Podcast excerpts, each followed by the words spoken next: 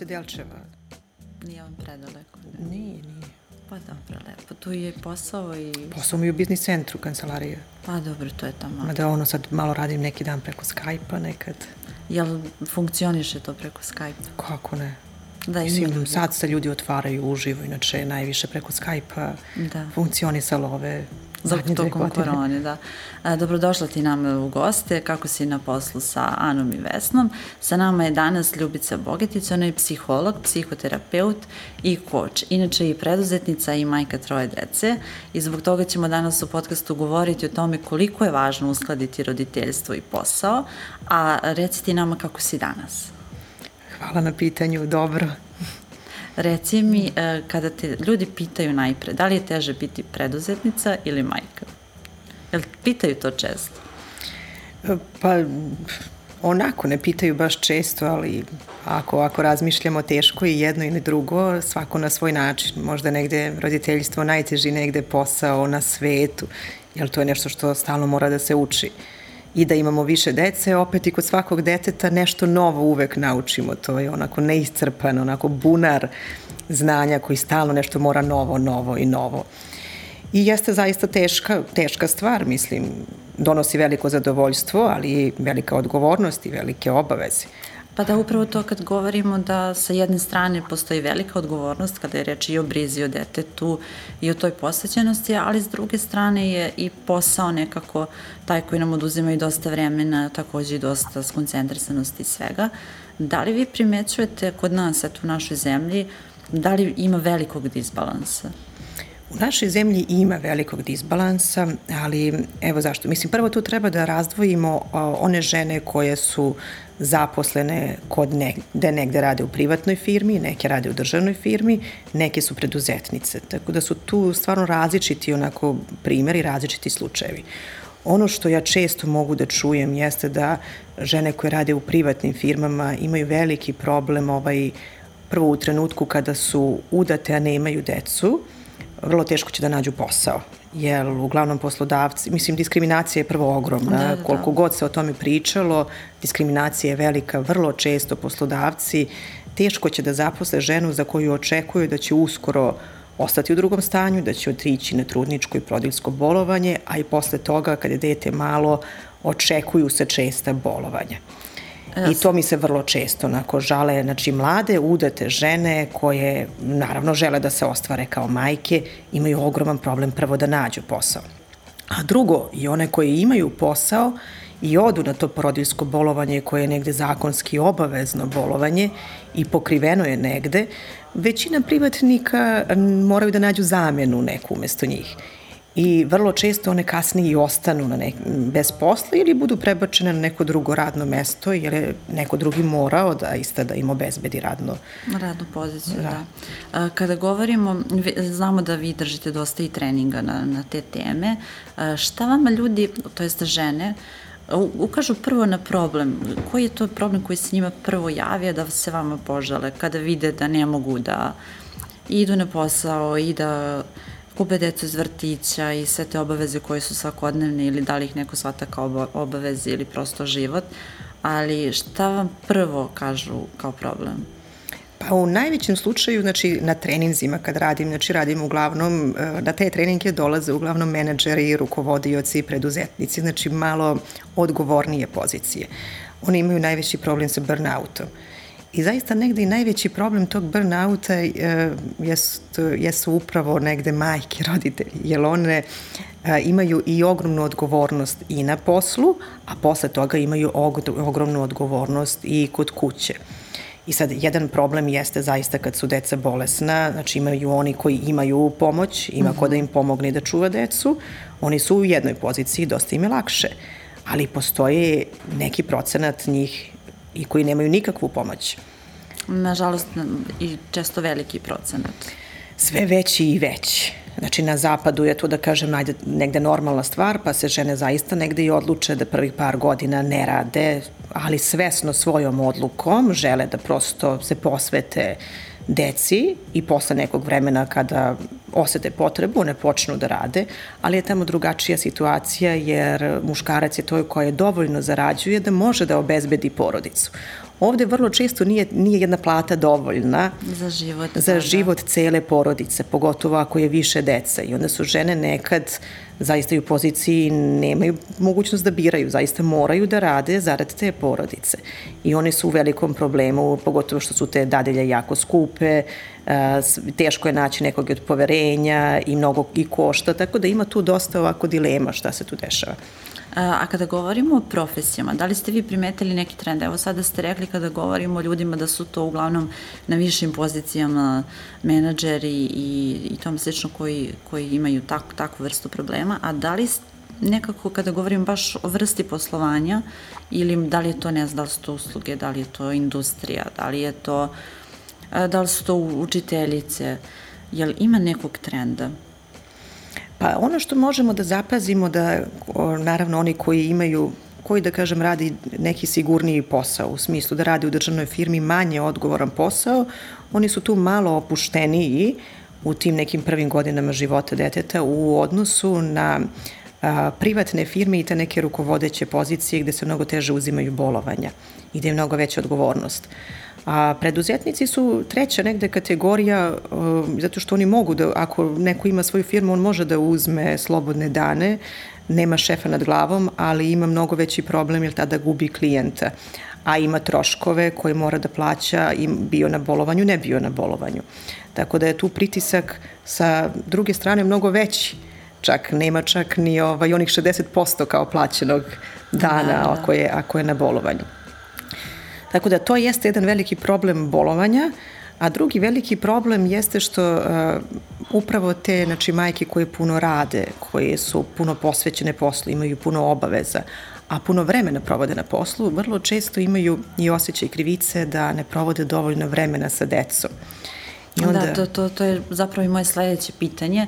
Da li primećujete da postoji to kod dosta, dosta, dosta žena, da umanjuju tu odgovornost na poslu koju imaju ili koju bi možda trebalo da imaju, zarad vrige o deci i, ili biraju jednostavno jedno, a ne drugo, ali samo koliko je to onda važno i za nastavak karijere, za napredovanje, za E, tu je jedan ogroman unutrašnji konflikt i to je ono što iscrpljuje i što dovodi negde do burnauta žene ako žele, koji imaju uh, visoka očekivanja od sebe i na poslu i u kući.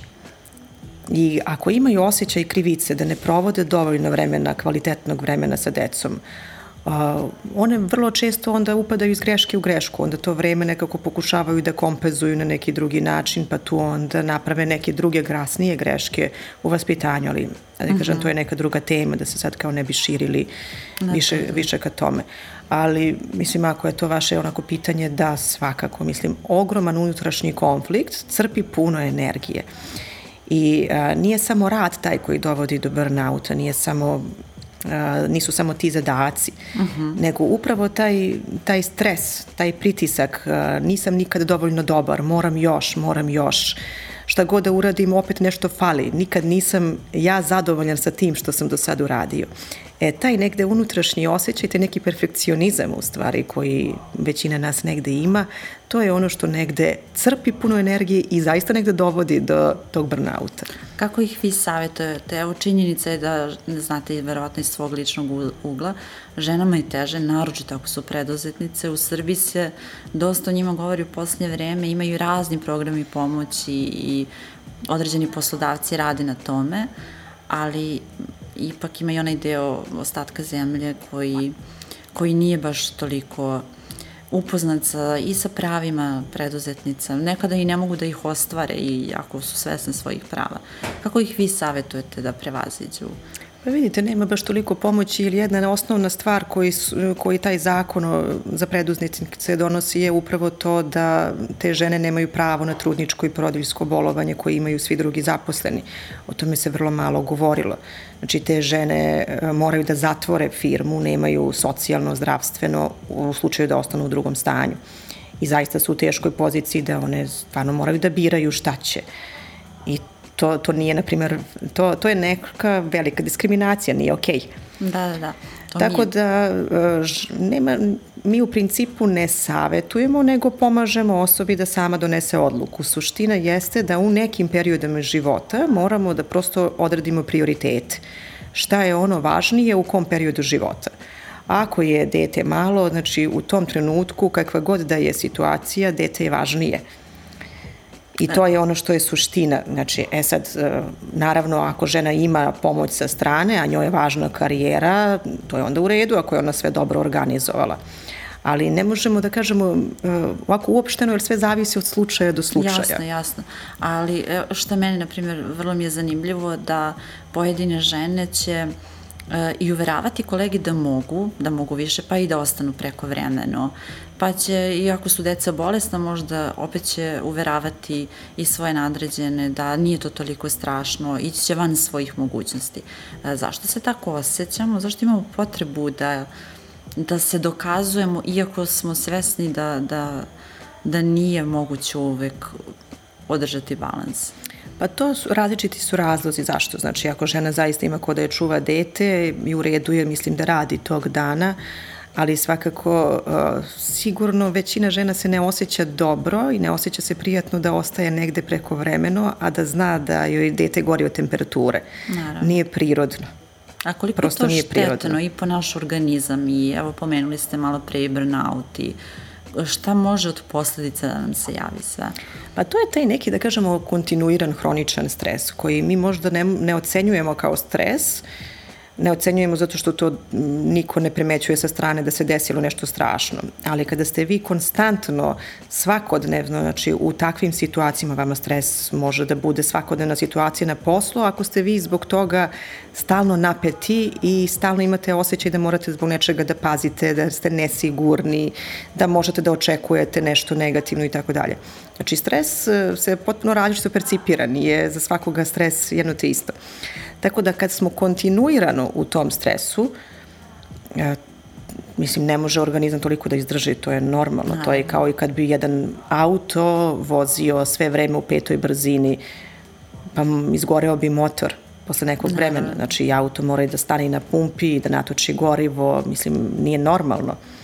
Ne može ni čovek tako da funkcioniše. Tako da burnout jeste sada u zadnje vreme popularan sindrom, mislim, ali je jedna normalna reakcija organizma na prekomerno iscrpljivanje. Znači, kad kažemo iscrpljivanje, to nije samo iscrpljivanje od rada, nego od svakodnevnih životnih situacija, mi obaveza. I organizam ima potrebu u stvari da se odmori. To je u stvari poruka organizma da kaže, je stani, zakoči, da, da. digni ručnu, odmori se pa nastavi dalje.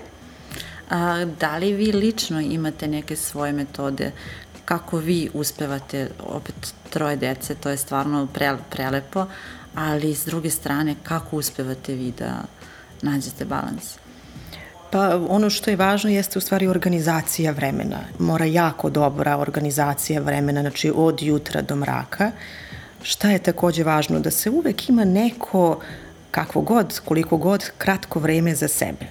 Znači, to je ono što, što bi rekli, neko mesto gde ćemo da napunimo gorivo. Uh mhm. -huh. Kao što auto mora negde na pumpi da napuni gorivo, isto tako i mi moramo da imamo a, neku, neki svoj ventil, neku aktivnost koju volimo, gde smo sami sa sobom, gde se punimo, da, da prosto uradimo nešto što je bitno za nas. Uh, I kada samo promenimo logiku da samim tim kad radimo nešto za nas, da to ne znači da to oduzimamo to vreme od posla i od dece, nego upravo suprotno, znači kad, smo, kad se mi bolje osjećamo, onda smo bolji i na poslu, a bolji smo i prema deci, e, onda, e, onda shvatamo da, zašto je to važno.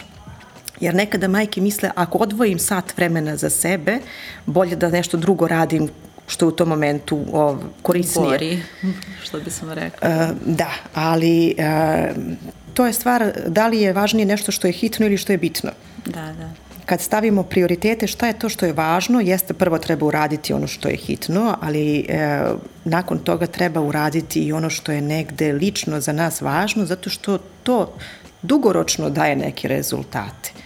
U principu niko nije savršen Mislim, ne postoje ni savršeni roditelji i ne treba se ni dakle, truditi biti. Dakle, ne treba imati po svaku cijenu tu idealnu sliku da ništa nigde ne nedostaje, da nam je sve po PS-u. Pa to je nemoguće. Ako neko očekuje od sebe da bude savršen roditelj i savršen radnik u isto vreme, prosto negde će sagoreti jer je nemoguće. Poenta je biti dovoljno dobar roditelj i dovoljno dobar radnik i dati sve od sebe u tim mogućnostima, ali mora čovek negde i da ima neko vreme za sebe, da misli malo na sebe. Moram neki trenutak prosto da meditira ili da se bavi sportom ili da ono, prosto ima neki hobi koji je to njegov, da se puni energijom. Kada govorimo o muškarcima, očevima zapravo, oni kod nas neće tako lako da pokažu da ne mogu sve da stignu. Znamo da počinju i kod nas da idu, da uzimaju porodiljsko i očevi ili da odu na to odsustvo pa žena se vrati ranije, onda oni budu duže sa detetom. Da li oni imaju neki specifičan model ponašanja, a što ste vi primetili iz vašeg posla? Da li oni, šta pokazuju prvo kada vidite da su pod stresom ili da ne mogu da nađu taj balans, da im posao s jedne strane prilično stvara pritisak?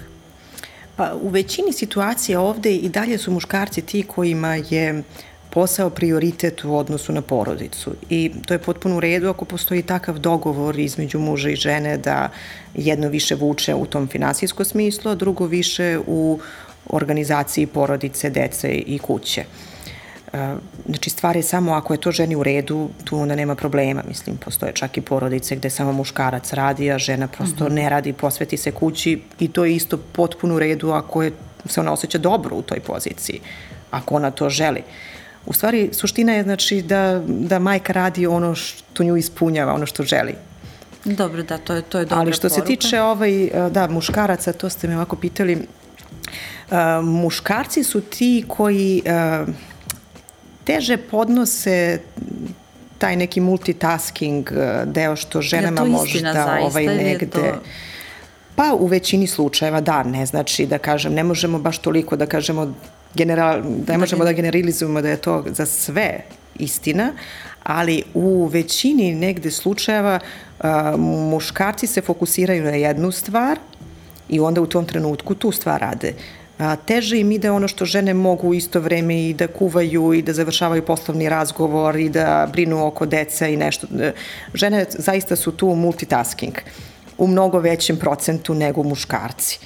Tako da muškarci kada se posvete poslom, oni su samo na poslu. Da, da, kada su e, s detetom, onda, onda, onda su, su samo s detetom. E, to se sad pokazalo veliki stres kod njih sad za vreme korone, u stvari kada je bila, ovaj, kad su morali online da rade. Od kuće, oni očevi koji imaju decu, Oni su bili u jako teškoj situaciji, jer su doživjeli nešto što nisu sanjali, znači ni u snu da može da im se desi, da moraju da vode poslovne sastanke preko Zuma ili preko Skype-a, a da im iza toga deca nešto traže, da se čuju, da, da, da moraju nešto da obave za decu. silne, koliko, ovaj, koliko je bilo smiješnih situacija. Jeste, bilo je jako i smiješnih situacija, mislim i dobro je što toga toliko bilo da bi se ljudi opustili da shvate da se to svima dešava, da to nije ništa strašno, znači, ali eto, to su neke situacije koje su život. To nije ništa strašno, ali je to mnogim muškarcima palo jako teško da u isto vreme se koncentrišu i na a, poslovne neke sastanke i razgovore, pogotovo ako zahtevaju neku zaista pažnju i koncentraciju i na decu u isto vreme koje traže pažnju. Je, da li nešto postoji što je do poslodavaca, a da bi mogli da urade da olakšaju roditeljima. Da li iz vaše perspektive ima nešto što biste vi voljeli da vidite u našim sistemima? Kako da ne, ali to je sad pitanje da li je to moguće. Ono što ja negde smatram da bi bilo idealno dati mogućnost majkama pola radnog vremena dok su deca mala. Znači, ponuditi mogućnost da je, to, da je to u redu i da to okolina negde podrži, a da ne osuđuje. Naravno, ponuditi im i neku normalnu platu, znači, za to. Uh, i da to prosto majke koje, koje žele da se više posvete roditeljstvu, da imaju mogućnost da dok su deca mala, dok ne znam, ne krenu u školu ili bar prve tri godine života dok traje primarna simbioza, da imaju mogućnost da rade četiri sata dnevno. Ako naravno žele, one mogu i više ali da se one osjećaju okay u toj poziciji. I da imaju poziciji. izbor, da se osjećaju da imaju, da imaju izbor. izbor. Eto, to je negde suština. Da imaju izbor i da to prosto država podrži. To bi bilo dobro. A za preduzetnice, ono što bi negde, mislim, bilo dobro jeste da država isto tako ponudi neka rešenja da dok su deca mala i dok se ne zarađuje, što je nemoguće sa tako pola radnog vremena zaraditi neki, neku, neki limit koji je, da kažem, dovoljan, da se onda smanje neki drugi troškovi koji su neki zahtevi tipa mm -hmm. razni, razne vrste poreza. I na taj način olakšati majkama da nemaju pritisak ako ne rade zbog bolesti deteta, a da moraju da plate neke pune cifre Vi imate, da, na primjer, da. mnoge zakone... Uh, ko, koji su neprilagođeni. Ja sam baš i pisala o tome da su žene preduzetnice u mnogo nezgodnijem položaju od zaposlenih žena u kompanijama. Pa baš kako ne? zbog odredbi koje da Kako nisu. ne, ili imate obavezu da vi svakog meseca radili, ne radili, vi morate da platite troškove državi vi možete da ne radite ceo mesec, ali ste onda u minusu. Tako A ako da. ne radite ceo mesec, vi ćete u nekoj firmi, vi ćete dobiti pola plate, ali da, da, da. nećete biti u minusu nećete ovaj, morati da plaćate državi da, da, da. to. Ali imate, na primjer, zakone u mnogim drugim državama, ovaj, imam dosta klijenata sa kojima radim online iz zapadne Evrope, i Holandija, Švedska i Norveška, Kaže, uh, oni imaju takve zakone bilo ko da je preduzetnik kad počinje prvih par godina posao, dok ne dođe njihova zarada do ne znam koje cifre, što je za njih, na primjer, nije, nije ništa posebno, za nas je možda mnogo, oni uopšte nemaju obaveze da plaćaju poreze, jer država ih stimuliše Naravno, da, da, da imaju taj preduzetnički duh. A ovde je proces obrnut Da, da, treba nam Ovde mnogo... se od prvog meseca traži da se plaća zarađivo, ne zarađivo. Da, da, da, i to su sada i, i poskupili su svi, sva davanja državi, tako da, to jest uvećana su, tako da i to je jedan od problema. Evo za kraj, kada bismo sumirali, ne može tri, može i pet saveta za roditelje, kako da nađu balans između roditeljstva i, i posla? Da, te, teško je to nekako tako izdvojiti, ali prvo možemo da kažemo da je najvažnije da se a, naprave prioriteti u različitim periodima života. Znači, kada su deca mala, kada su deca malo veća, to i kada su deca onako već odrasla, prosto moraju da se stave šta su prioriteti i u odnosu na to, tome posvetiti više pažnje. Sve u svemu ništa neće, karijera neće pobeći.